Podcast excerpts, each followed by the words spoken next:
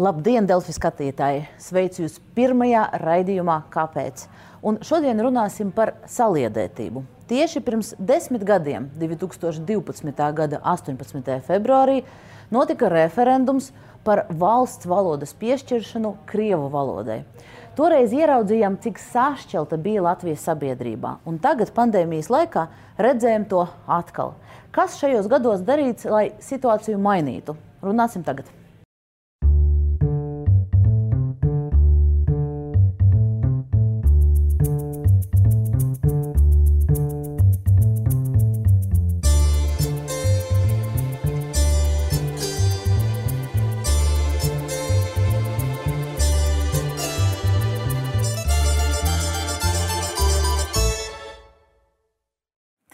Un šodienas raidījuma viesi ir Sarmīta Elerte, valsts prezidenta padomniece kultūra politikas jautājumos. Labdien! Labdien. Andrejs Elksniņš, Daugavpils mērs. Sveiki! Labdien.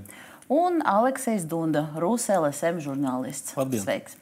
Uh, Raidījuma otrajā pusē mums pievienosies vēl ceturtais viesis, attālināti kultūras ministrijas pārstāve Jelena Šaicāna ar mums runās.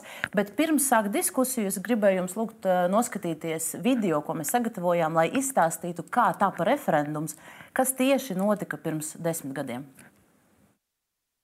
Когда мы едины, идем отрядом за русский язык, за нашу свободу, мы смело пойдем, мы погоним Referendumu par krievu valodu kā otru valsts valodu ierosināja biedrības vienota Latvija un dzimtā valoda. Pēdējais dibinātāji bija Vladimirs Lindermans, Jevgenijs Osipovs un Aleksandrs Gapoņenko. Parakstu vākšanu sāka 2011. gada pavasarī. Vismaz oficiāli to skaidroja kā atbildes gājienu uz Nacionālas apvienības mēģinājumu rosināt referendumu par izglītību tikai latviešu valodā. Ir gods stāvs spēles. Mēs negribam būt šeit par otru šķīru. Mēs uh, domājam, ka mums arī ir tādas pašas tiesības kā latviešiem. Ne... Vienota Latvijas priekšsēdētājs Edvards Svatkovs apgalvoja, ka pārakstu vākšanu lūguši sakt un solījuši atbalstīt pietiekami ietekmīgi partijas saskaņas centra cilvēki. Partija to noliedza. Pirmais posms noslēdzas vasarā, kad bija savākta vairāk nekā 10 000 parakstu. Rudenī mēneša laikā organizētājiem bija jāsavāc jau 150 tūkstoši parakstu. Tad likumprojektu iesniegtu saimā. Taču temats nebija uzmanības centrā. Pat organizētāji publiski izteikušies, ka referendums visticamāk nenotiks. Visu mainīja Rīgas mērs Nils Ušakovs. Agrāk viņš apgalvojis, ka nec pats, nec saskaņa referendumu neatbalstīs, taču novembra sākumā parakstījās par otro valsts valodu. Tā esot bijusi atbilde uz lēmumu neņemt saskaņas centru saimnes koalīcijā pēc ārkārtas vēlēšanām. Šis referendums ir saistīts ar to, vai mēs esam spējīgi visu kopā parādīt savu attieksmi pret to, kā uzturas pret mūsu vēlētājiem esošas valdošas partijas. Daudzi sekoja viņa piemēram, un organizatori savāca nepieciešamo parakstu skaitu, lai likumprojektu nodotu saimai. Parlaments to noraidīja, un Centrālā vēlēšana komiteja izsludināja referendumu. Nacionāla apvienība lēmumu apstrīdēja satversmes tiesā, taču nesekmīgi. Jautājums strauji kļuva par galveno valsts dienas kārtībā. Latvijas sabiedrība sašķēlās par un pret. Referenduma rezultāti piedalījās vairāk nekā miljons iedzīvotāju, kas ir lielākais vēlētāju skaits tautas nobalsošanās pēc neatkarības atgūšanas. 75% nobalsoja pret otro valstu valodu. Un man pirmais jautājums, es gribētu sākumā runāt par politisko atbildību par notikušo. Pirmais jautājums ir Elksniņa kungam. Toreiz, vai jūs mēģinājāt atrunāt Ušakovu, lai viņš neparakstās par ref referendumu rīkošanu? Kāpēc tas būtu darī, darāms? Referendumi ir viena no demokrātijas izpausmēm, un, manuprāt, šodien ir ne tikai jādiskutē par desmit gadiem kopš referenduma, bet arī par jautājumu, ka pēdējos desmit gados neviens referendums tā arī nav noticis. Mēs par to noteikti runāsim, bet sākumā tiešām par atbildību. Jo, ja Ušakovs nebūtu toreiz parakstījies, ir diezgan skaidrs, ka tik uh, nopietns pretnostatījums nenotiktu. Vai tā bija kļūda saskaņai? Uh, nē, tā viennozīmīgi nebija kļūda. Viennozīmīgi mēs ieraudzījām, cik lielā mērā ir sašķelta sabiedrība. Mēs viennozīmīgi ieraudzījām vismaz 25% iedzīvotāju, kuri vēlējās, lai valsts paustu atšķirīgāku attieksmi attiecībā uz integrācijas jautājumiem. Mēs ieraudzījām to, ka cilvēki lielā mērā ir neapmierināti ar valsts realizēto kopumā politiku, un tā arī bija tiešām reakcija attiecībā uz ierosinātiem jautājumiem vēl 2010. gadā par reformām skolu tīklā. Es varbūt te uzreiz gribu parādīt nelielu fragment no mūsu intervijas ar Latvijas Universitātes profesoru Jūru Rozenvaldu, jo viņš tieši runāja par to, vai šī, šīs referendums un tā reakcija bija proporcionāla ideja pār, pārnest visu izglītību tieši latviešu valodā. 2011. gada jūlijā Es biju uzaicināts, nu, varbūt kā tāds miera balodis, es nezinu, kāpēc, bet biju uzaicināts uz eh, Maskavas namu. Tur bija tāds kā, nu, es neatceros, tā kā sajies, tā kā konference tāda tieši. Un tad es teicu, kad man deva vārdu, es teicu, vēršoties pie tiem, nu, daļa, daļa organizatoriem arī bija zālē, es teicu, klausieties, ja latviešu vēlētāji, pamatos latviešu vēlētājs, nodemonstrē savu uh, nu, savā ziņā savu, savu gatavību nu, tomēr meklēt zināmu kompromisu. Nu, tad jums arī tas pats jāizdara. Bet ziniet, kā, nu, kā Krievijas saka, zakusiļu ģilā, jā, nu, tad jau tur bija, kas saka, jūra līdz ceļiem uz priekšu, kaut arī, protams, pēc tam par referendumu rezultātiem viņi bija, bija kas saka, paši pārsteigti. Rozenvalds uzskata, ka tā bija neproporcionāla atbilde, ka tā nu, nosacīta otrā puse nemaz tik nopietna eskalācija nevēlējās. Ziniet, tad, kad tika pieņemta Latvijas Republikas satversme un tad, kad tika izstrādāts mehānisms par referendumu ierosināšanu un par referendumu veikšanu, ik viens jautājums, kurš ir aktuāls sabiedrībā dienas kārtībā, ir apspriešanas vērts.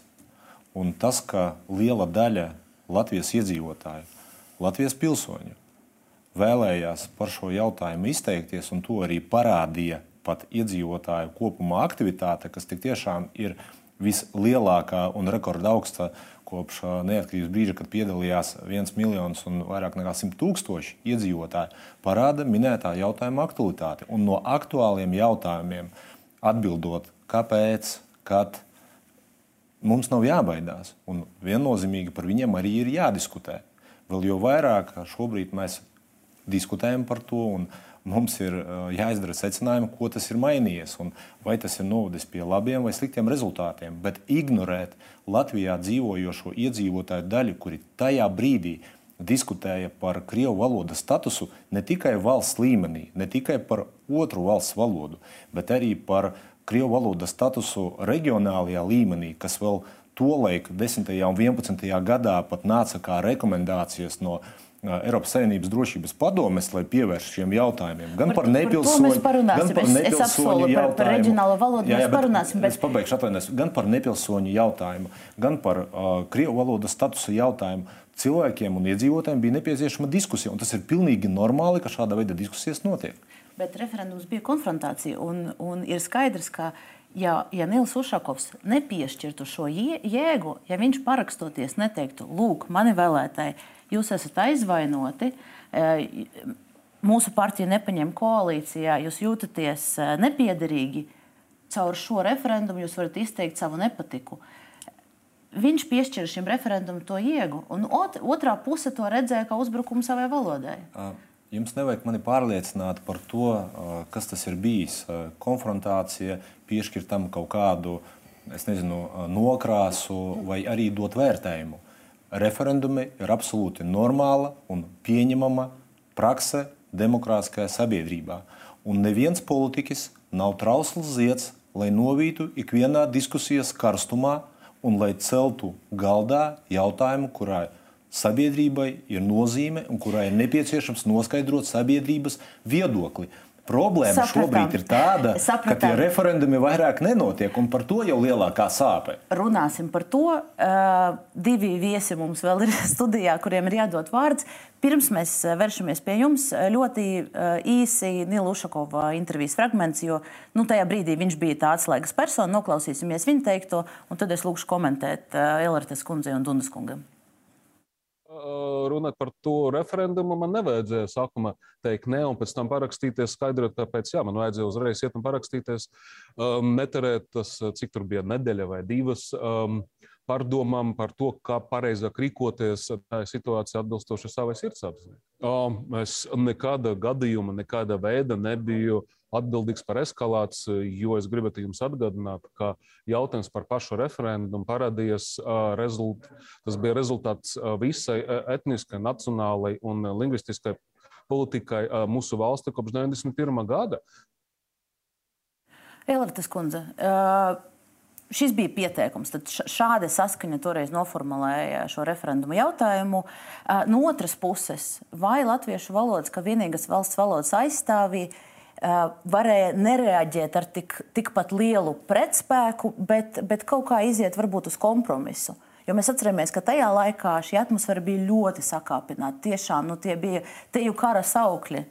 Jā, man liekas, ka Uškova kungam viens jautājums bija tas, kas bija ierakstīts referenduma biļetenā. Otrs jautājums bija nu, saturēt kopā savus avis, saturēt kopā savus vēlētājus. Uh, Jo tomēr uh, bija jau pagājis pietiekami laik, il, ilgs laiks, un uz šī vienīgā jautājuma jau bija grūti vairāk vēlētājus noturēt. Un es domāju, ka tā bija, uh, tā bija, tas bija būtisks motīvs, kāpēc uh, Ušakovs parakstījās šajā referendumā. Uh, ja mēs runājam par uh, brīdi tad un tagad, man liekas, Elksniņa kungs kaut kādā uh, savā izklāstā nu, tādu zināmu vēsmu vai elpu no tā laika atnesa. Mēs pret viņiem, viņi pret mums, un um, tā mēs dzīvojam. Mēs, man liekas, tā vairāk nedzīvojam.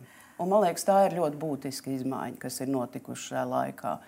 Un, manuprāt, uh, es teiktu, bez tādām konkrētām lietām, kas notika pēc tam, manuprāt, divas būtiskākās lietas, kas notika, ir pirmkārt latviešu pašu pašidentifikācija vai apziņa par to, cik nozīmīga Latvijas valstī ir latviešu valoda. Un es domāju, ka ļoti daudzu nelatviešu arī pašidentificēšanās ar to eh, tādā veidā, ka viņi ir daļa no Latvijas sabiedrības, kuras pamats ir latviešu valoda, eh, šī latviskā kultūra telpa, un uh, viņi ir ieinteresēti un gatavi būt daļa no tās. Nevis būt daļa no kaut kāda postpadomju ļaužu grupas.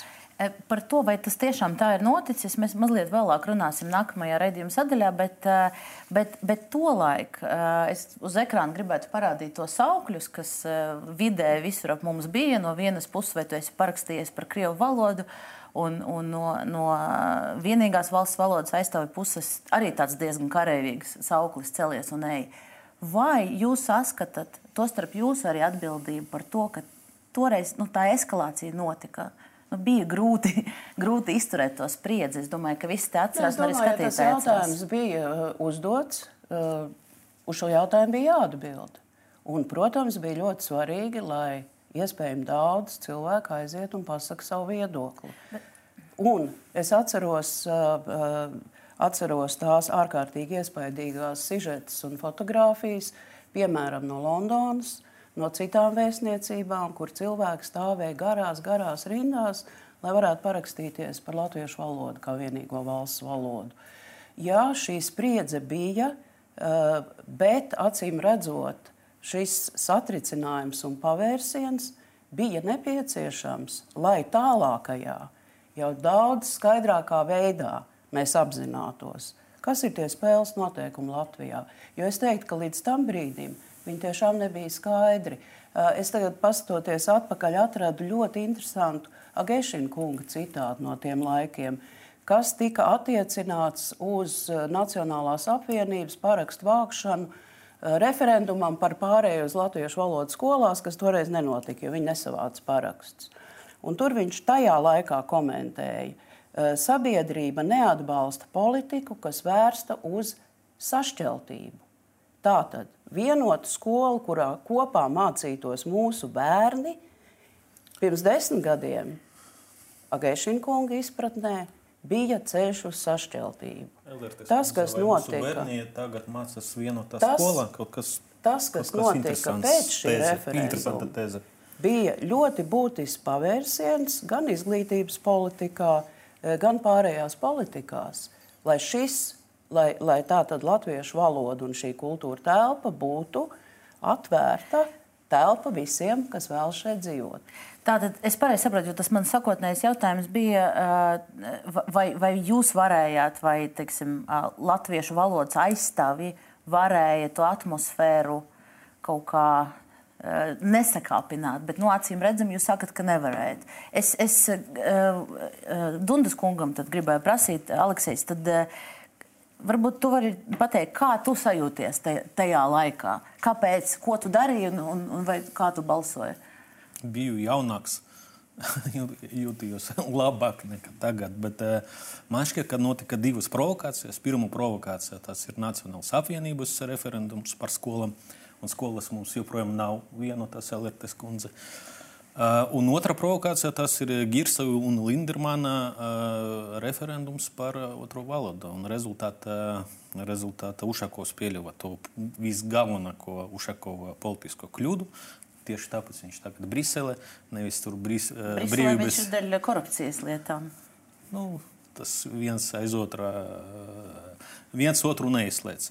Un, eh, respektīvi, nu, teikt, eh, konservatoru pusē mūsu valstī ir eh, uzvara 4 pret 1, 75, 25, un 10 gadus viņi skrūvē tas gaikas, visas jomas, ievieš visas reformas. Nu, pēdējā, pēdējā, pēdējā tas ir prezidenta piedāvājums aizliegt ne Eiropas Savienības valodas kā otro, kā otro svešvaldu skolas. Nu, vis, vislielākie zaudētāji tieši valoda pēc desmit gadiem izrādījās, jo notikušas divas provokācijas. Tu tā, tu tā nopaļoji, ka mēs jau varam atvadīties, bet mēs to nedarīsim. Uh, Tolaik eh, arī, ja nemaldos, tas bija eh, Lindermans, kas eh, mūsu sižeta sākumā teica, ka šīs referendums, kā viņš, viņš to noformulē, ka šīs referendums bija par krievvalodīgo pašcieņu. Vai kā tu domā, vai kā tu sajūties, vai, vai tā nu, pašcieņa ir? Man, man liekas, ka pirms, kad Ušakovs iejaucās, tas vairāk bija Lindermaņa un Girsa priekšvēlēšanu kampaņa. Kad Ušakovs atnāca uz, uz to pusi, tad, nu, tur, tad tieši saskaņas tie tēzi par to, ka tas ir tiešām cīņa par, par kaut ko, par, lai mūs latvieši klausās. Vai, nu, tad, tad, jā, tad var piekrist. Ka... Bet tas rezultāts, tā pašcieņa ir, ir, ir parādījusies, ir pieaugusi vai otrādi? Nu, grūti spriest par visiem, tā, bet no nu, analizējot, nu, mēs redzam, kas noticis. Tā skolu reforma nesagatavota ir ievesta. Skolas mums joprojām nav vienādas un nav, nav, nav kopējas. Vienkārši viena skola labi māca latviešu valoda priekšmetus, un otra skola slikti māca priekšmetus, slikta latviešu valoda. Tas nav, tas nav kopējais skola. Un, nu, nezinu, man liekas, ka teikt, krievu valodīgiem iedzīvotājiem tagad vairāk interesē citas lietas, kā rekinus samaksāt, kā, kā darbu saglabāt, vai vakcinēties vai nevakcinēties. Šis valodas jautājums jau sen aizgājis prom. Bet nu, tā, mūsu konservatīvā daļa sabiedrības izmanto to referendumu joprojām. Uh, jo viss ir sagatavots, lai to izmantotu. Ir preambula sagatavota, ir preambulas autors mūsu prezidents. Prezidentam ir interesanti padomnieki, kuri ir tā teikt. Mēs, mēs, nu, tās otras puses, tie galvenie, galvenie virzītāji bijuši.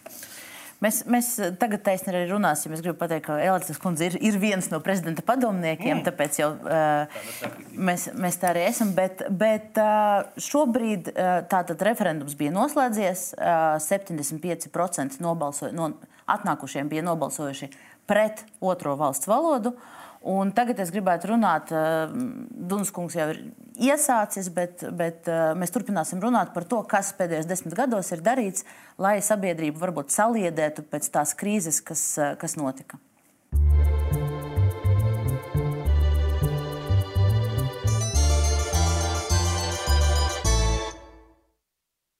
Tātad vienīgā valsts valoda pirms desmit gadiem tika aizstāvēta, bet 25% no atnākušiem bija nobalsojuši par uh, Krievu valstu valodu. Tie bija gandrīz 300 tūkstoši cilvēku. Un, uh, toreiz valdības līmenī bija daudz ideju. Bija darba grupas, divus miljonus latu piešķira uh, šim mērķim, uh, daudz runāja tiešām par integrāciju. Bet uh, tagad, un te es toreiz Elīdas kundzei solīju, ka mēs runāsim, vai tiešām sabiedrība ir vienota. Es gribētu parādīt uh, dažus uh, grafikus, datus no nesenajām aptaujām. Un te mēs redzam, ka tikai puse cilvēku, kuriem uh, ģimenē valoda ir krievu, uh, sevi uzskata par Latvijas patriotiem.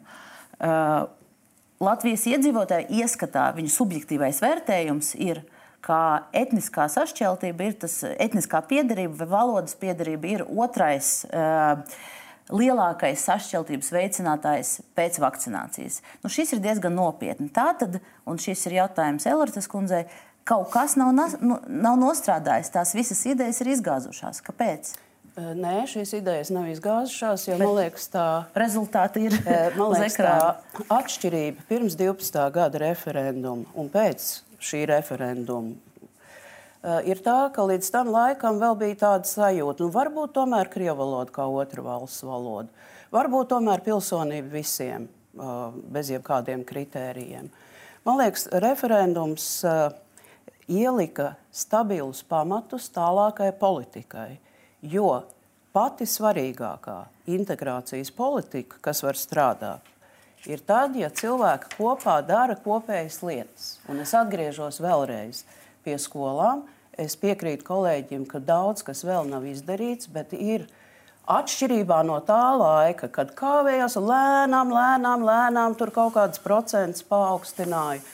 Šobrīd eksāmeni beidzot skolu latviešu valodā. Šobrīd mani bērni mācās. Es, eh, es to situāciju zinu. Es, nevajag, eh, drīkst, pār, es drīkstu pabeigt. Uh, šobrīd vidusskola ir latviešu valodā. Tas, ka vēl joprojām ir vairāk skolas, kurā ir vairāk citātiešu bērnu, latviešu bērnu, ir laika jautājums. Kādreiz man uzdeva jautājumu, kad šī problēma vai šī izjūta tiks atrisināta.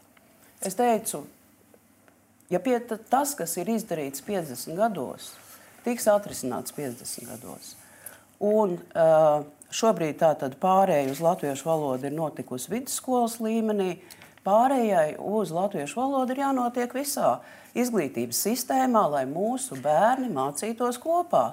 Par skolām es redzu, ka Elksniņa kungs grib oponēt, bet ļoti īsi jūs, jūs līdz galam neatbildējat uz manu jautājumu, jo tas, ko es rādīju, ja mēs varam varbūt tās grafikas vēlreiz redzēt, bet, bet nevaram mēs grafikas vēlreiz redzēt, bet katrā gadījumā tikai puse no krievalodīgiem jūt sevi kā Latvijas patriotus. Vai tas nenozīmē, ka tie desmit gadi nav, ir, ir bijuši izniekoti? Nē, viņi nav bijuši izniekoti. Es domāju, da, Es domāju, Bet ka tā... šis jautājums ar vien vairāk cilvēkiem Latvijā, uh, kuri ir latvieši vai citautieši, gluži kā kolēģis nu pat teica, šis jautājums vairs nav tik svarīgs. Saprotiet? Bet jūs neuztraucat arī... tā puse, puse krievalodīgo, kuri nejūt patriotismu pret Latviju. Es domāju, desmit gados viņa nav sasniegta. Es domāju, tam ir dažādi iemesli. Es domāju, protams, vēl daudz kas var tikt izdarīts, bet arī droši vien tad būtu labāk jāsaprot, kas ir tie iemesli. Vai šie iemesli ir sociāli, vai šie iemesli ir, nezinu, kaut kādu krī, krīzes dēļ radīti. Ja šie iemesli ir radīti tāpēc, ka mūsu bērniem ir jāmācās vienotā skolā, tad, diemžēl, acīm redzot, nākas samierināties ar ar zināmu neapmierinātu cilvēku daļu. Nu, die, diez vai pusi Latvijas krievalodīgo nav uh, patrioti dēļ tā, ka, ka viņiem ir jāmācās uh, vienotās skolās. Jautājums, jūs, jūs, jūs sakat, ka ir, uh, ir jāanalizē, kāpēc tā ir. Un tad man ir jautājums jums, kā jūs savā amatā esat padomnieks prezidentam, vai jūs esat nu, kaut kādā veidā veicinājusi analīzi, lai saprastu, kas notiek ar to pusi. Ne, nu, droši vien tas būtu jāanalizē sociologiem, un mums nav tāda dienas. Pasūtīt pētījumu. Un arī, iespējams, nav arī pat tāda līdzekļa, bet es atceros 18. gada pētījumu, kuru veids Kanter TNS, un kurā bija dati par to, ka ļoti liels procents šeit dzīvojošo citautiešu, tas bija pāri 80, pie 90, jūtas piederīgi Latvijai, jūtas piederīgi Latvijas kultūra telpai, un tieši jautājumā bija piederīgi latviskai kultūra telpai. Droši vien ir visādi pētījumi, kas ir jāliek kopā. Jūs arī man nevarat atbildēt uz jautājumu. Mums ir katram, katram noteikti ļoti personīgi novērojumi, kāpēc kaut kas notiek. Nu, liekam to kopā, domājam, skatāmies, ko vēl var mainīt. Nu, sapratām, tad jūsu pozīcija ir, ka īstenībā desmit gados darbs ir padarīts, eh, Latvija ir vienota. Nē, nav tā mana pozīcija. Es saku, ka desmit gados ir padarīts ļoti daudz, ka ir izdarīts svarīgākais. Ir pilnīgi skaidri pamati, uz kuriem pastāv un pastāvēs Latvijas valsts. Ar Elksni. latviešu valodu kā vienīgo, Latviju, eh, kā vienīgo valodu ir skaidri pamati, un cilvēki vienkārši piemērojas savā ikdienas dzīvē. Elksņa kungs nevar sagaidīt, ir grib runāt. Jā, ir, ir jāsprākst. Uh, tad, kad tika dibināta Latvijas valsts, latviešu valoda kā vienīgā valsts valoda, pamatlikumā noteikti netika Valsts valoda, latviešu valoda, kā vienīgā valsts valoda, pamatlikumā tika noteikta 1998. gadā. Un ar to jautājums par vēl kādu citu valsts valodu, manuprāt, ir bijis izsmelts. Diemžēl mums ir politiķi, viņu ir ļoti daudz, un mums ir valsts vīri, viņu ir ļoti maz. Ar ko viņi atšķiras? Politiķi domā par gaidāmajām vēlēšanām. Vēl ir politiķi, kā šodien izskanēja raidījumā, uzskata iedzīvotājus par avīm, kurus ir jāsavāc. Un nacionālajā plāksnē jautājums par otru valstu valodu, arī par latviešu valodas, valodas statusu, tika inscenēts kā provokācija sākumā no vienas puses caur Krievijas skolām, pēc tam no otras puses attiecībā uz Krievu valodas kā otras valsts valodas statusu. Kāpēc? Tāpēc, ka tā ir šo politiku, kuri uzskata iedzīvotājs par avīm maize, lai sagatavotos pirmajām vai nākošajām vēlēšanām. Jūs tagad par Ušakovu arī, ja? Es šobrīd runāju par visiem. Es šobrīd runāju par visiem. Tā ir viena lieta. Otra lieta. Šobrīd, kas ir noticis to, to laiku, šo situāciju ir izmantojuši sākumā labējie radikāļi, vēlāk izmantojuši kreisie radikāļi. Tad, kad kreiso radikāļu iedzīvotāju masa parādīja, ka atbalsts ir tiešām pietiekami liels, tad to nespēja ignorēt, tajā skaitā arī saskaņa, kura pēc būtības arī atbalstīja referenduma rīkošanu, jo tā ir normāla demokrātiska parādība. Jautājums, kas ir noticis pēc tam? Pret attiecībā uz tiem, kas to inicēja pašā sākumā, rezultāts bija pašsaprotams. Bet šo rezultātu kā tādu izmantoja, lai ierobežotu referendumus, lai vienīgai konstitūcijai pasaulē uh, pieliktu klāt preambulu. Ja, ir pasaulē konstitūcijas ar preambulām, bet nevienai no tām preambula netiek pielikta gandrīz vai pēc simts gadiem. Lai muļātu šo nacionālu jautājumu desmit gadus, vēl 11 un 20, un mēs svinēsim, tagad šodien svinam desmit gadus, nu viens otrs svin, otrais svinēs pēc 20 gadiem, tad būs pēc 100 gadiem, tad prezidents ordeņus dalīs par to, ka kurš kurā brīdī tas ir bijis. Bet kā stāsts ir tāds ar a, minēto referendumu, tika ierobežota pēc būtības valstī demokrātija no vienas puses, no otras puses Latvijas valsts no demokrātiskas valsts, kurā galvenais princips Latvijā bija, ka pilsonisko sabiedrību veido Latvijas tauta, valsts pārvērtās par etnisko. Un etniskā plāksnē ir tika izveidotas divu iedzīvotāju gradācijas.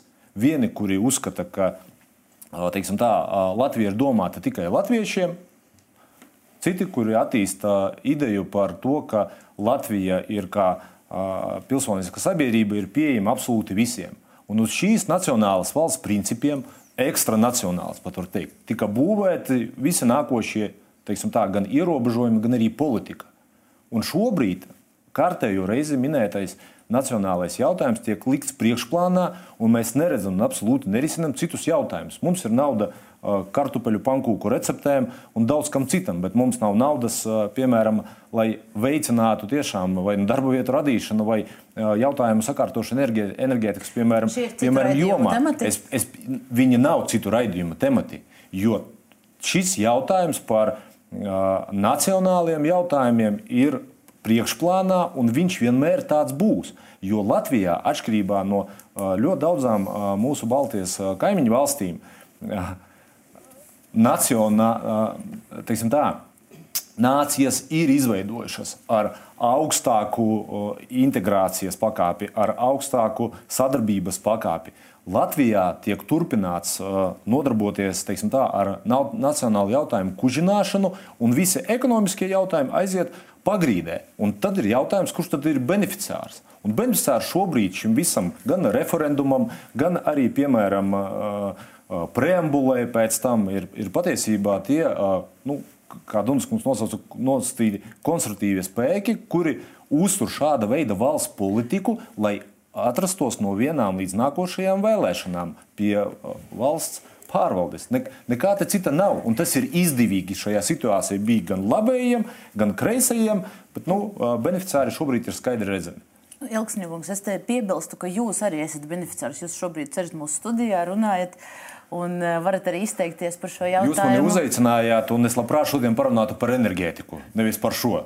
Jā, vai, par, piemēram, vai ir jārīko referendums, un kāpēc referendumi desmit gadu laikā nav notikuši? Un vai, piemēram, pēc tā devētās konstitucionālās krīzes, ko burtiski šodien un vakar ir balsojumi par satras tiesas, par augstākās tiesas amata kandidātu, ir nodevējis, piemēram, augstākās tiesas priekšsēdētājs, vai, piemēram, tas ir pamats, lai atlaistu, piemēram, saimu, ja mums ir konstitucionālā krīze šobrīd. Paldies! Mēs runāsim par šo uh, pirmdienu noteikti, un tagad es gribētu dot vārdu Latvijas valsts prezidentam. Viņš, uh, mēs vēlējāmies viņu nointervēt, tas nebija iespējams, jo ļoti aizņemts, ļoti pilns grafiks, bet mēs uh, gribam parādīt fragment no runas. Pirms nedēļas notika konference veltīta arī valodas referenduma desmitgadēji. Mazs fragments no viņa teiktā. Tautas nobalsošana pirms desmit gadiem deva vajadzīgo grūdienu amatpersonām un politiķiem, lai steigšus tiktu veikti darbi, kā nacionālas valsts un pēc, pēc tās konstitucionālās identitātes nostiprināšanai. Ir pieņemts satversmes ievads, Satversmes tiesa un augstākā tiesa savā praksē pievērš lielu rūpību konstitucionālās identitātes jautājumiem, un šajā jomā aizvadīto desmit gadu laikā ir paveikts patiešām daudz. Tāpat arī mūsu sabiedrība šajos gados ir pievērsusi lielāku uzmanību latviskuma saglabāšanai un attīstīšanai, Elritas kundzei, te ir jautājums, jo man šķiet, ka jums ir jāatbild uz visu, ko Elksņa kungs ir, uz daudz, daudzām no lietām, ko Elksņa kungs ir teicis, bet nu, vienlaikus arī prezidents uzsver tātad satversmes ievads, arī likumi, kas tomēr uh, padara grūtāku, uh, sarežģītāku to ceļu līdz referendumam. Vai šī bija pareizā atbilde uz, uz valsts valodas referendumu? Um. Attiecībā uz uh, izmaiņām referendumu likumā. Viens ļoti svarīgs uh, princips, uh, jā, tiešām referenduma, pēc referenduma uh, tika nodefinēts, un šis princips nozīmē, ka demokrātijai uh, ir tiesības un pienākums sevi aizsargāt.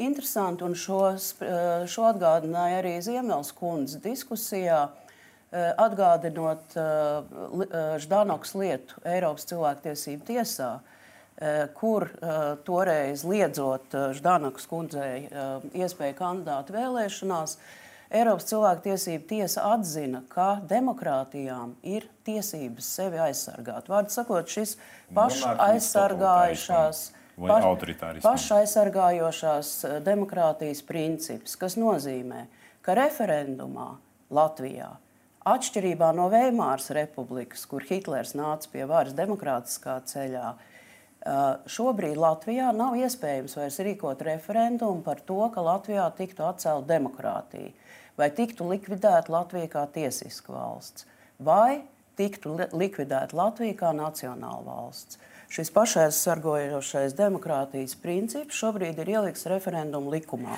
Bet kas nozīmē, ka tādi referendumi vairs nav iespējami. Bet kopš, kopš valsts valodas referenduma, ja es nemaldos, un varbūt kāds no klātesošiem uh, uh, pasakiet, ja tā nav Nav noticis neviens referendums. Es, es, Šajos desmit gados. Es Tas nozīmē, ka 35 iniciatīvas bija pieteiktas referendumiem, un nevienam nav. Jā, visi, bet, visi par to, kā Hitleram jābūt. Bet vai, vai šīs... 35. Nu, tā jūs, uzskata, ka jūs tagad nu, nodarbojaties ar, es atvainojos ar demagoģiju. Tāpēc, ka, ja cilvēki, kuri ir ieinteresēti rīkot referendumā, nevar savākt pietiekami daudzumu parakstu, tad tur, nav, tad tur nav vainīgs uh, likums vai tur nav vainīgs referendums.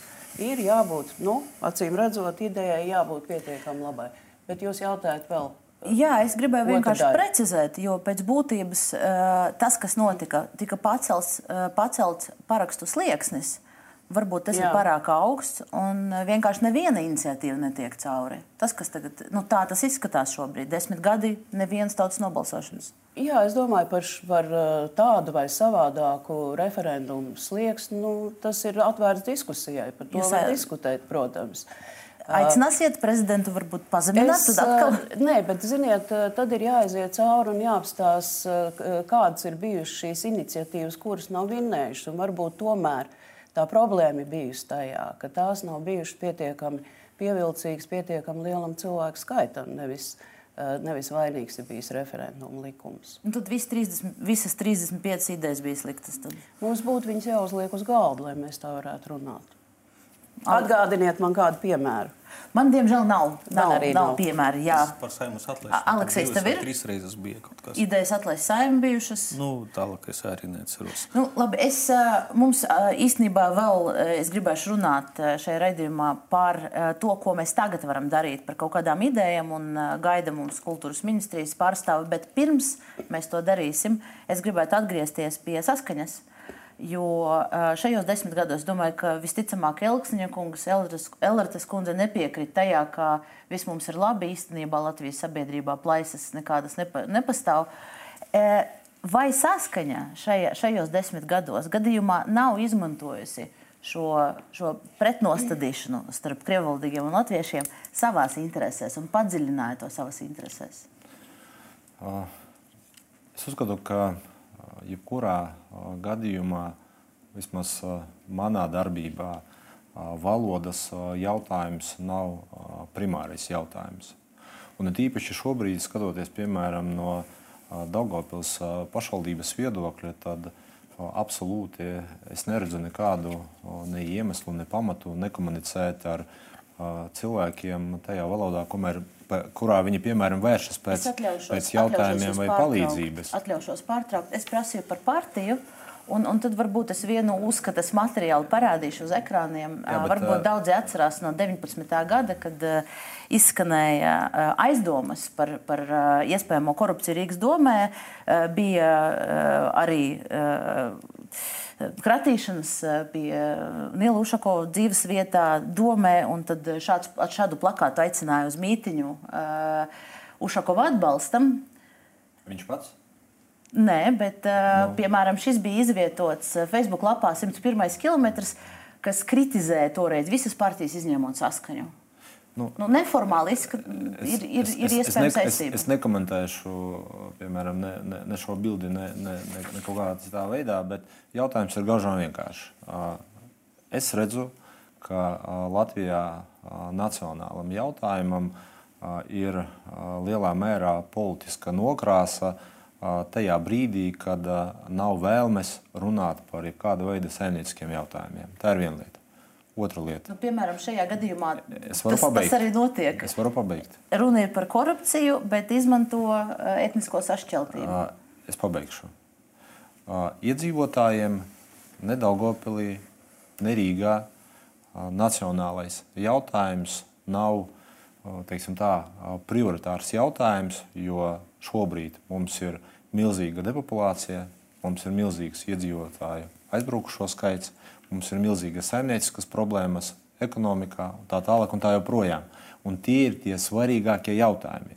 Vēl jo vairāk mūsu piekoptā politika balstās to, ka neatkarīgi no tā, kādā valsts, kādā valodā cilvēks vēršas pēc palīdzības, viņš attiecīgi to arī saņem. Jā, un to, to mēs jautājums kādreiz... par, jautājums par uh, vienu vienīgo valsts valodu satversmē ir izsmelts kopš 1998. gada. To mēs Tad, kad tas bija jā, attiecīgi arī pieņemts. bija par tiem gadījumiem, kad saskaņa, izmantojot iespējamību, padziļina to plaisu. Nu, jūs tikko norādījāt, ka Jā. kaut kāds 101. km. Jā, nu tad mēs vēl varam noskatīties citu video, kas ir no, no šī paša piketa. Man sāp sirds, kad es redzu, kad latvieši un krievi konfliktē. Kad politiķi savu sautīgu interesu dēļ mēģina ar pieriem salikt latviešus un krievus.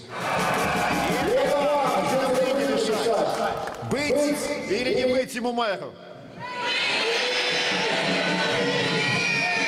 А не Конгрессу партии Востока горы. Является лишь нетерпимость и ненависть тех, кто говорит о Dārgie Latvijas iedzīvotāji, rīznieki, latvieši un arī nelatvieši, tikai kopā mēs varam cīnīties par mūsu valsti. Un te eh, pēc būtības pateikts. viss ir pareizi pateikts, bet caur puķiem netieši šajās runās saskaņa norādīja uz ko.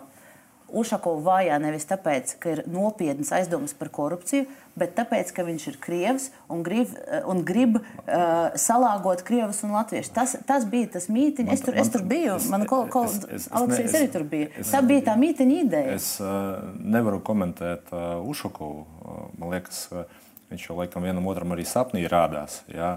Bet uh, saskaņas politika bija vienmēr vērsta uz to, ka A. Latvija ir neatkarīga valsts. Es atvainojos. Latvijā ir viena vienīgā valsts valoda, tā ir latviešu valoda.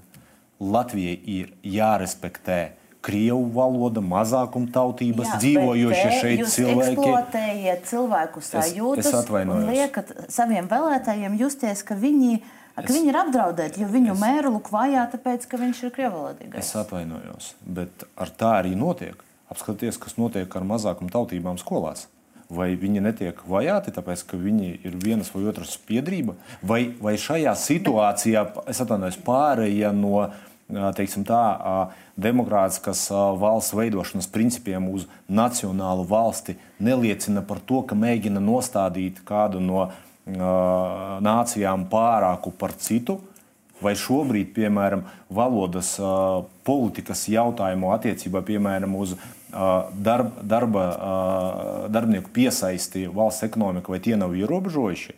Vai šajā gadījumā Ja neviens no sapratām, mēs saimnes jautājumiem, kungs. Es vai, vai neviens no saimā apskatītajiem jautājumiem nav bijis, lai nokonfrontētu? Aleksējam vārdu, lūdzu, Un jūs Aleksējs. piedāvājat par to nediskutēt. Mēs, mēs to arī darām. Aleksējs, uh, reakcija. Da, es pat nezinu, ko, ko piebilst. Es, man ir dažas domas par to visu izskanējušo šodien. Uh, Pirmā doma par, tiem, ka, par to, ko Elertes kundze pateica, ka jāgaida vēl uh, sanāk, cik tur 20 gadi, nu, 50 pret, pret 50. Manuprāt, šeit jā, tiešām jāgaida. Un tas procents, kad uh, nu, tur tie krievu valodīgi, kuri ir pusi uz pusi, ā, sadalīsies citādāk. Bet viņi sadalīsies ā, nevis laikam tāpēc, ka būs kaut kāds pavērsiens integrācijas jomā, ka kaut kāds, kaut kas notiks. Bet tas pavērsiens būs tikai tāpēc, ka tā puse, nu, tā teiksim, kura laikam neuzskata sevi par Latvijas patriotiem, vai no fizisko, dabisko iemeslu dēļ nomirs, vai nu izbrauks no valstīs meklējot uh, nu, citas vietas, kur dzīvot. Un tad sanāk, ka LRT kundzei tiešām nevajag, nu, un, uh, teiksim, ne tikai LRT kundzei, bet nu, tas konservatīvam flangam tiešām nevajag uztraukties. Jo nevienu integrēt nevajag. Problēmas nav. Problēma ir zem paklāja. Uh, viss ir valsti forši un labi. Bet vai tas tā ir, tiešām tā ir? Tur man ir diezgan ir, uh, nu, tas šaubas. Bet ka... saskaņas atbildību tu nesaskati šajā visā. Da visi ir atbildīgi par to. Nu, tad, tad, ne tikai saskaņa, Nacionālā apvienība, Elektrības kundze, es atvainojos. Elektrības kundze, jūs pateicat, ka katram latvietim jāintegrē vienu krievi. Kādas ir jūsu panākumi? Cik, cik krievus jūs integrējat? Daru tiešām, ko varu. Runāju vienmēr latviešu ar cilvēkiem o, jā. un priecājos par to, cik viņi man ir labā latviešu valodā atbild. Es domāju, ka mēs, mēs integrēt ar viņu jārunā valodā, kurā viņš saprot. Jā, un par, ja, to, ja, par to es, es, es, es mazu komentāru par to, kas ir pateikts. Saskaņas tātad saskaņa vienmēr ir iestājusies par latviešu valodu kā vienīgo valsts valodu. Nu, es atvainojos, man liekas, tie ir tādi skaidri meli no, no, no cienījamā Elksniņa kunga. Es nedomāju, ka arī saskaņas biedri uh, Eh, biedriem vienmēr būtu bijusi tik skaidra pozīcija par Latviju kā neatkarīgu valsti. Piekrītu Elksniņa kungam citā. Nedomāju, ka šie jautājumi šobrīd vairs uh, cilvēkiem būtu paši svarīgākie, jo tie skaidrie pamati ir ielikti. Ir pilnīgi skaidrs, kas ir tie pamati. Un pēc tam ir ļoti, es pilnīgi piekrītu, ļoti daudz neizdarītu lietu un darāmu lietu, lai palīdzētu cilvēkiem labāk iejusties Latvijā. Bet tas svarīgais ir tie, tie skaidrie pamati. Es, es atgādināšu, ka puse Latvijas iedzīvotāju uzskata, ka uh, piederība pie etniskās grupas un dzimtā valoda ir kaut kas, kas ir, ir otrais lielākais uh, sabiedrības ķelšanās iemesls, uzreiz aiz, uh, aiz, aiz vakcinācijas. Nu, to nevar ignorēt. Un tagad runāsim varbūt par risinājumiem un, un nākamajiem soļiem, ko varētu spērt.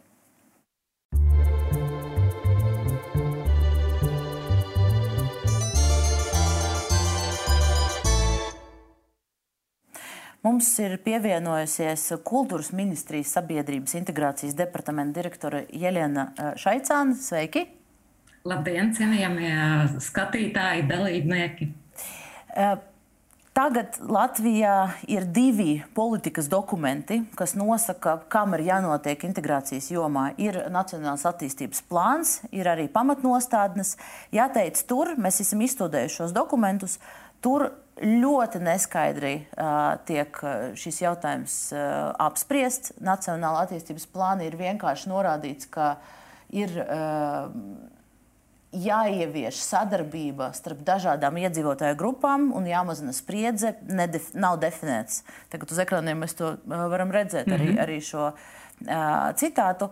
Uh, nav definēts, par ko vispār ir runa.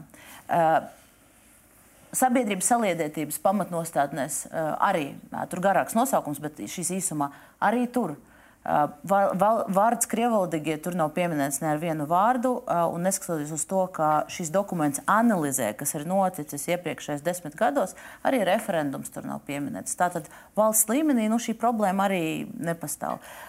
Es jums gribēju prasīt, vai kas šogad, vai šogad ir kaut kādi konkrēti pasākumi, uh, kas eh, šo saliedētību veicinātu un varbūt uh, krievaldīgiem liktu justies uh, pieņemtakiem Latvijas sabiedrībā?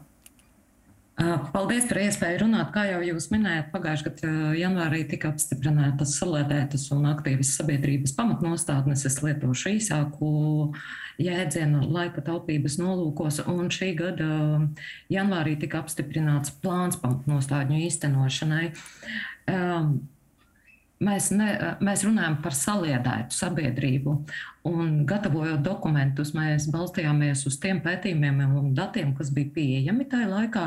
Un, piemēram, Eiropas sociālais pētījums 20. gadā parāda, ka gandrīz 80% Latvijas iedzīvotāju jūtas piederīgi Latvijai. Savukārt, tiek uzrādīta Eirobarometra datos tāda, tāds izaicinājums kā neusticēšanās kas skar gan savstarpēju neusticēšanos, gan neusticēšanos publiskai varai, ieskaitot pašvaldību līmenī, saimu un, un valdību.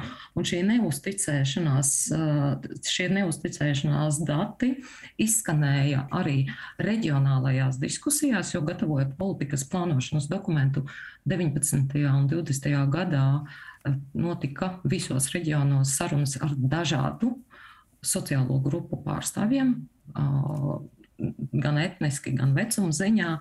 Un tur izskanēja, ka šī kopīgā ir stipri vairāk.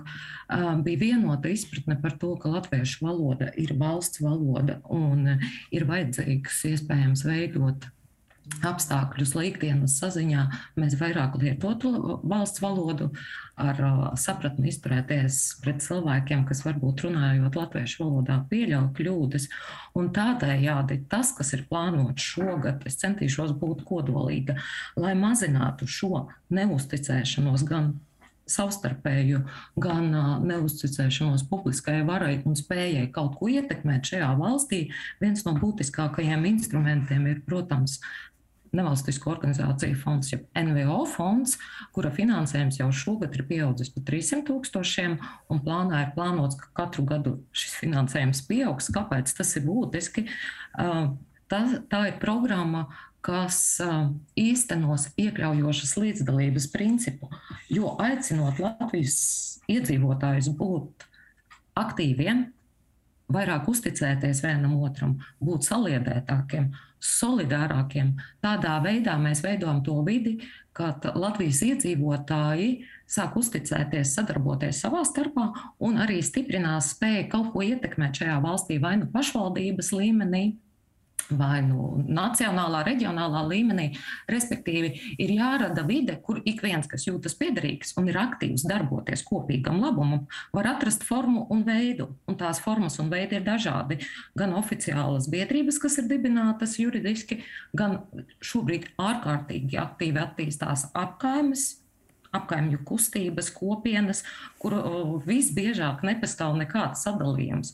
Turklāt es gribētu papildināt, ka pētījums starpkultūru stereotipi un aizspriedumi Latvijas sabiedriskajā domā kas balstīts uz trīs aptaujām, divas no kurām ir bijušas pagājušo gadu, un uz fokus grupām 20. gadā, parāda, kas starp latviešiem un krieviem un krieviski runājošiem, krievalodīgajiem pastāv ārkārtīgi neliela sociālā un miedarbības distance.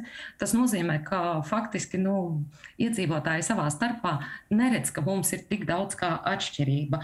Atšķirīga vēl gribētu vērst uzmanību, ka šogad ir uzsākusi darbu arī reģiona NVO programma ar 150 tūkstošu eiro finansējumu un mazākumtautību NVO līdzdalības stiprināšanas programma, arī ar fokusu tieši uz reģioniem, jo reģionu diskusijās izskanēja, ka šie pasākumi kopā darbošanās, koprade, kopā būšana ir jāspēcina īpaši reģionos. Mazākumtautība NVO līdzdalības programmai finansējums ir 100 tūkstoši no šī gada. Turklāt gribētu vērst uzmanību, ka tikko ir svaigs pētījums par Latvijas NVO fonda izvērtējumu. Viena no jomām, uz kuru bija vērsts NVO fonds, tā izskaitā stiprināt piederības sajūtu un spēcināt sadarbību starp dažādām iedzīvotāju grupām. Un uh, tie rezultāti ir ārkārtīgi labi, un fonds strādā plānotajiem mērķiem, neapšaubām. Ja? Jo okay. NAPA arī uzticēšanās ir viena no svarīgākajām prioritātēm, un arī saliedēta sabiedrības politika ir uz to vērsta. Vēl Paldies. es atļaušos pateikt vienu ļoti, svarīgu, vienu ļoti svarīgu lietu. Runājot par mazākumu tautību kultūras savpatnību, kas neapšaubām ir būtiska identitātes un piedarības sajūtas sastāvdaļa, ja, es vēlos vērst uzmanību uz mazākumu tautību festivālu. Pagājušā gada decembrī mazākuma tautību konsultatīvā padome vienbalsīgi nolēma atbalstīt priekšlikumu šo festivālu iekļaut kopējā dziesmu un deju svētku kustībā, lai tādējādi nu, nepārprotami apliecinātu mūsu visu piedarību Latvijas kultūra telpai un uh, arī daudzinātu Latvijas kultūras daudzveidību. Jā. Mazākuma tautību festivāls pagājušajā gadā, neraugoties uz ierobežojumiem, notika Jelgavā. Es, es, pārtraukšu, es jūs pārtraukšu. Mēs sapratām, tā galvenā doma ir finan, uh, finansēšana, uh, nevalstisko organizāciju finansēšana un tātad. Uh, kultūras festivāls. E, man ir jautājums Aleksējam. Tautību savpatnības, kultūras savpatnības saglabāšana festivāls ir tāds ļoti labs piemērs. Paldies, no... paldies. Jā. E, Doma sapratām. Aleksējam jautājums. Nu, tu uzklausīji, kas būs šogad, kas notiks. Tev izklausās pietiekoši, vai, vai tas ir kaut kas? Es neesmu, es, es neesmu tur tajos uh, kultūras ministrijas projektos. Es tos neredzēju. Nu, bildi no kultūras festivāla Jelgava redzēju. Uh, grūti pateikt, vai tur ir uh, to pasākumu tādu, kā tādu, kur bija anšlags. To anšlaga tur taču nebija. Nu, tas laikam saistīts ar ierobežojumiem. Uh, nu, tas ir tikai apsveicami, ka naudu dot un naudu dot tieši nevalstiskajām organizācijām. Bet, nu, nu jā. Nu, man grūti nokomentēt šo tiešām to integrācijas to programmu, jo es viņu neredzēju. Bet, nu, man liekas, ka varētu vēl uh, papildus uh, pasākumus uztaisīt. Un, uh, man liekas, ka vispār no aprites uh, tas vārds integrācija jau aizgāja. Ir tikai salīdzība. Man gribētos, lai integrācijas, tieši integrācijas būtu vairāk. Es gribēju uh, uz, uz, uh, uz raidījuma beigām arī uh, parādīt jums vienu īsu interviju arī ar Rīgas Stradiņu universitātes docētāju Sergeju Kruku. Mēs ar viņu runājam arī par to, nu, kur, kur tomēr ir tā sakne sašķeltībai. Elitras kundze saka, ka sašķeltības vairs nav, Dundas kungs saka, ka ir, bet Sergejam Krukam jautājumu, un viņam bija diezgan specifisks skatījums. Viņš runāja par sabiedrības, par sabiedrības sašķeltību šajā, šajā fragmentā. Valsts un pašvaldības sektors nav vienmērīgi sadalīts. Tur daudz vairāk ir latviešu tautības cilvēku nekā krievu. Tāpēc aptaujās, kad mēs redzam rezultātus, tad mēs redzam, parasti, ka latvieši ir kaut kādu sociāli patīkamāku tēlu veidot. Tāpēc, ka tur ir arī respondentu vidū ir daudz vairāk valsts un pašvaldības sektorā nodarbinātie. Un šiem cilvēkiem ir optimistiskāks skats uz dzīvi, jo viņi strādā ar līgumu, viņiem ir sociālās garantijas, viņus tik vienkārši nevar atlaist no darba. Un šādas garantijas nav cilvēkiem, kas strādā privātajā sektorā, darba ņēmēji, un tur vairākums ir nelatvieši tieši strādā. Tāpēc tas spriedzi rāda, kad mēs skatāmies aptauju datus, lūk, šīs sociāla-ekonomiskais stāvoklis idejas, eh, kā šo atrisināt. Jo te ir pētnieks, viņš eh, strādā ar šiem jautājumiem, te ir dati. Šie secinājumi ir, ir, ir balstīti nopietnos pētījumos. Man šķiet, no Kruka kunga teiktā izriet nu, tomēr būtisks secinājums, kuras vēlreiz gribu uzsvērt. Es neuzskatu, ka Latvijas sabiedrība būtu sašķelta, bet neapšaubām Latvijas sabiedrība ir fragmentēta. Un tas, ko Kruka kungs nu pat teica, lielā mērā to apstiprina. Cilvēku pašsajūtu Latvijā ietekmē uh, tas, vai, viņš, uh, tas, vai viņa, viņš jūtās sociāli drošs, tas, vai viņš var nomaksāt savus energorēķinus.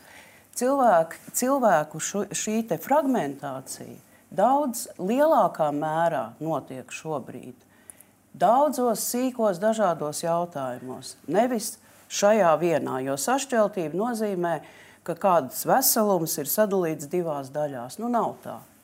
Tas, ko viņš pasaka, ir, ka mazakumtautību pārstāvji ir mazāk pārstāvēti uh, Latvijas uh, gan valsts, valsts iestādēs, nu, valsts sektorā, jā, pašvaldībās, valsts iestādēs. Vai to kaut kādā veidā ir jārisina? Ja, pie, jo, piemēram, uh, Vācijā ir veselas programmas, eh, lai maz, mazakumtautības iekļautu valsts sektorā. Bet vai jūs, jūs tiešām domājat, ka eh, Latvijā dzīves un dzīvojošs krievu izcelsmes cilvēks, kas runā latviešu valodā, netiktu pieņemts valsts pārvaldē, tāpēc, ka viņš ir krievs? Nav runa par to, ka, tāpēc, ka viņš ir krievs, bet acīm redzami, ka kaut kādi šķēršļi pastāv. Jā, tāpēc, ka viņš jā. nemāk runāt. Es domāju, ka tā ir daļa, nu, tā ir viena problēma, kas ir bijusi un kas tiek šobrīd risināta. Es atkal atgriezīšos pie jautājuma par skolām. Visiem bērniem Latvijā ir jāiedod perfektas valsts valodas zināšanas. Tad, okay, es saprotu, jūsu, ir cilvēku konkurence. Jūsu secinājums valoda atrisinās, vai kultūras ministrijai ir, kultūras ministrijas pārstāvē ir, ir komentārs par šo, vai, vai iespējams kaut kāda Es varu tikai pakomentēt, varbūt uh, par šo pilsonisko līdzdalību, kā jau minēju. Tas vien, ir viens veids, kā cilvēkiem kļūt aktīviem, ne tikai pilsoniski, bet tā skaitā arī politiski apgūt pašapziņu, iemācīties pilsoniskumu prasmes, kas var palīdzēt arī. Uh, mm, kandidējot uz darbiem, bet runājot par izglītību, es, ja drīkst, papildināšu Elērtes kundzi un minēšu vienu programmu, kas ir ārpus saliedētas politikas, Latvijas skolas Soma, kas tika uzsākta simtgades ietvaros. Tā ir programma, kuras augļus mēs plūksim visi ilgtermiņā. Ja, visiem Latvijas skolēniem, neatkarīgi no etniskās piedarības, sociālā stāvokļa, ienākuma līmeņa, ir iespēja iepazīt Latvijas mākslu un kultūras norises visdažādākajās jomās. Šī programma ir ārkārtīgi veiksmīgi īstenota un ir ļoti pozitīva atgriezeniskā saite ne tikai no pedagogiem, ekspertiem, bet arī no mērķa grupas, kas ir Latvijas bērni un jaunieši. Un es uzsveru, ka šī programma strādā visās Latvijas skolās, ikvienam Latvijas skolēnam neatkarīgi no etniskās piedarības, ienākumu līmeņa, jā, jo ienākumu nevienlīdzība tika minēta, tas ir viens faktors, kas Manuprāt, ir. Tas ir vispār dabiski. Tā, tā jābūt. Nevis, nu, par to nav jāstāsta, ka tas ir veiksmīgs stāsts. Tā jābūt. Kāda etniskā, kāds etniskais sadalījums skolā? Protams, 2030. protams. Un, un šī ir ļoti tā programma, kas strādā uz visiem Latvijas skolēniem. Paldies kultūras ministrijas pārstāvjiem. Mēs tad uzklausījām idejas, kas, kas notiks šogad, bet nu, es, es, mūsu raidījums tuvojas beigām, un es gribētu kaut kā no, nopaļot šo diskusiju. Mēs, mēs nonācam pie tā, ka no vienas puses, no valsts prezidenta kancelejas puses, uzsvars ir, ka nav, nav problēmas vairs desmit gados. Mēs esam. Uh, ir daudzas, saplūduši. Ir daudzas praktiski risināmas lietas, bet tas svarīgais ir, ka ir pilnīgi skaidrs, kas ir Latvijas valsts identitāte un ka tur izmaiņas šajā nebūs. Šis ir skaidrs, vai, vai ir piebildes no. Es, es gribu no, tā teikt, man ir, man ir daži piebildumi. Tiešām, Bet ļoti īsi mums jā, ir. Es vienkārši par cipariem gribu parunāt. Eirobarometrs dati, kuri bija publicēti pavisam nesen, parādīja, ka, ka, ka, ka 77% Latvijas iedzīvot, Latvijas iedzīvotāji uzskata, ka viņu viedoklim Latvija nav nozīmes, turpretī 23% Latvijas iedzīvotāji atzīmē, ka viņu viedoklim Latvija ir nozīme. Sanāk, cik, cik tas sanāk? Trīs ceturdaļas uzskata, ka, ka viņu, viedoklis, viņu viedoklim nav nozīmes. Bet kas mums ir kopējs, tas ir Eirobarometra dati 2021. gada. Tas ir neusticība partijām. Tikai 7% Latvijas iedzīvotāji uzticas partijām. Un es eh, nobeigumā gribu pateikt, ka vajadzētu. Uh, Nu, mēs varam mest to akmenī saskaņas vai Krievu savienības pusē par to, ka viņi grib aizstāvēt tur tiesības un tā tālāk. Manuprāt, daudz sekmīgāk būtu, lai tie visi pūli tiešām aizietu uz uh, latviešu valodas kursiem. Ja valsts no savas puses uh, tikai definē, ka mums ir uh, valsts valoda, latviešu valoda un viss neko nedara, tad uh, opozīcijai vajadzētu uh, iedzīvotājiem, kuri pagaidām nemāk runāt latviešu, palīdzēt viņiem to valodu apgūt. Elīds Kunze, valodas kurs? Uh, nu, arī, jā, jā, protams, ja tas ir vajadzīgs īpaši Daugaupilī, bet uh, tas jau ir, uh, taču aptaujas jau parāda. Uh, 89 Eh, procentu Latvijas iedzīvotāji prot latviešu valodu. Es domāju, nevajag dramatizēt tomēr situāciju. Kursi nav, nav nepieciešami? Nav, kursi, uh, kursi uh, ir gan nepieciešami, gan arī šādi atbalsta pasākumi pašvaldībās, arī tā skaitā Daugopilī tiek veikti. Uz šo jautājumu jāskatās gaužām vienkārši. Ir jābeidz spekulēt ar tiem. Dienas kārtībā ir gaužām citi vitāli svarīgākie. Tā ir viena lieta, otra lieta Es domāju, ka ir jāatgriežas pie diskusijas par uh, referendumu atjaunošanu, jo šobrīd uh, iedunkāts pa šo institūtu desmit gadus, iep, nu, desmit, astoņus gadus iepriekš, ir tā, ka nenotiek vairāk nekas. To mēs parunājām, un Elritas kundze jau izteica interesi nu, pārskatīt galvenais, galvenais, prezidenta kancelējā šo slieksni. Galvenais, lai, galvenais, lai vēl 11 gadus par to nediskutē, bet uh, kopumā iedzīvotājiem uh, gan ikdienas komunikācijā, gan tai pašā veidā arī, arī skolās problēmu ne nacionāla rakstura, ne, ne kaut kādas etniskas nav, un viņām arī nevajadzētu būt. Vēl jau vairāk, nu, manuprāt, manuprāt iedzīvotāji savā starpā un attiecībā pret valsti ir daudz saliedētāki nekā viens otrs to vēlas izmantot un arī pasniegt. Un šajā situācijā, manuprāt, es atvainošos. Mums tiešām ir jāsāk, ir jāsāk ar valsts prezidentu, kurš vienā otrā brīdī no kopējā fona izlec ar piedāvājumiem, kuri, es atvainojos, ir cienīgi gan Lindermaņa, gan Osipova vai Nacionālās apvienības piedāvājumiem. Un tas kā reiz ir tās provokācijas, kuras tiek izvirzītas priekšplānā, tā vietā, lai risinātu tiešām svarīgus jautājumus, kuri mums ir jārisina. Jūs tik smuki sākāt ar to, ka mēs, mēs visi, visi esam saticīgi, bet, bet sakāpinājāt to tā. Jā, bet, jā, bet, bet tas kā reiz ir orientēts uz to, kāpēc valsts. mēs par to runājam. Mēs tāpēc, sapratām, tā... mēs sapratām. Valsts prezidenta pienākums ir atgādināt satversmē definētos Latvijas valsts pamats, un to viņš arī darīs. Jā, bet, turpmāk. bet, bet jūs nevēlaties, lai par šiem jautājumiem cits neviens tad spriestu, un jūs mēģināt uzkungot to vienu savu vīziju, vienu savu patiesību un uzdot to visiem par pienākumu. Bet, varat, bet tas tā, atvainojos, bet tas tā nav. Mēs, mēs spriežam un mēs par to arī diskutējam, bet diskusijas nav. Tā, tā ir uzspiešana. Vēl jau vairāk jūs liekas, nevēlaties nodarboties ar kungs uzstāsta, kā vajag lasīt satversmi. Nu, tieši tā, jā, iziet, iziet kā vajag lasīt satversmi vai kā nevajag lasīt satversmi. Nu, ar to arī diskusija mūsu valsts līmenī arī beigas. Un šobrīd mēs runājam par to, ka šāda veida attieksme nav pieļaujama. Problēma, ja nav mazākuma tautībās, kuras Latvijā dzīvo, problēma ir. Uh, man, man, man tāda, tāda ir sajūta, ka valsts nācija Latvijā jūtas kaut kādā aprobežota, apbežota, bet, bet tas, mēs, tas nav taču normāli. Ir jājūtas saimniekiem savā zemē un, un, un, un, un, un godīgi atklāti ir jādara rāmjiem. Es gribēju pateikt paldies Olgai eh, par to, ka viņi ir rosinājuši šo diskusiju, jo mēs dzīvojam pilsoniskā sabiedrībā un ja Elksniņa kungam ir sajūta, ka viņam nav piedāvāta šī diskusija, katrs no mums šādu diskusiju var rosināt. Paldies Olgai, ka viņš šodien mums tādu ir rosinājusi. Jā, nu, beigās mēs, eh, mēs kaut kā aizgājām tiešām ļoti sakāpināta atmosfēra. Eh, sanāca, Jā, bet, atmosfēra bet, ir ļoti, ļoti vienkārša. Bet, ir jābūt cieņpilnai attieksmei. Jūs jau izteicāties, jūs, jūs iedzīvotāji nav jāsauc viedokli, par avīm. Jūs, jūs darījāt savu viedokli skaidru, mēs, mēs jūs sapratām. Uh, Elritas kundze, paldies jums arī. Jūs, mēs arī sapratām valsts prezidenta kancelēs pozīciju un jūsu pozīciju, bet uh, varbūt Aleksējam kaut kas piebilstams, un tad mēs atvadamies. Давайте жить дружно. Ar to arī. Okay, nu tad mēģināsim dzīvot mier, draudzīgi un mierīgi. Es pirms atvadīties gribēju pateikt, ka pirmdien 12. Delfi studijā atgriezīsies raidījums Sprieda ar Delfi, un mana kolēģe Alīna Lastovska runās par saimas lēmumu neapstiprināt Sanitu Osipovu augstākas tiesas tiesneša amatā. Es domāju, tas būs ļoti interesanti.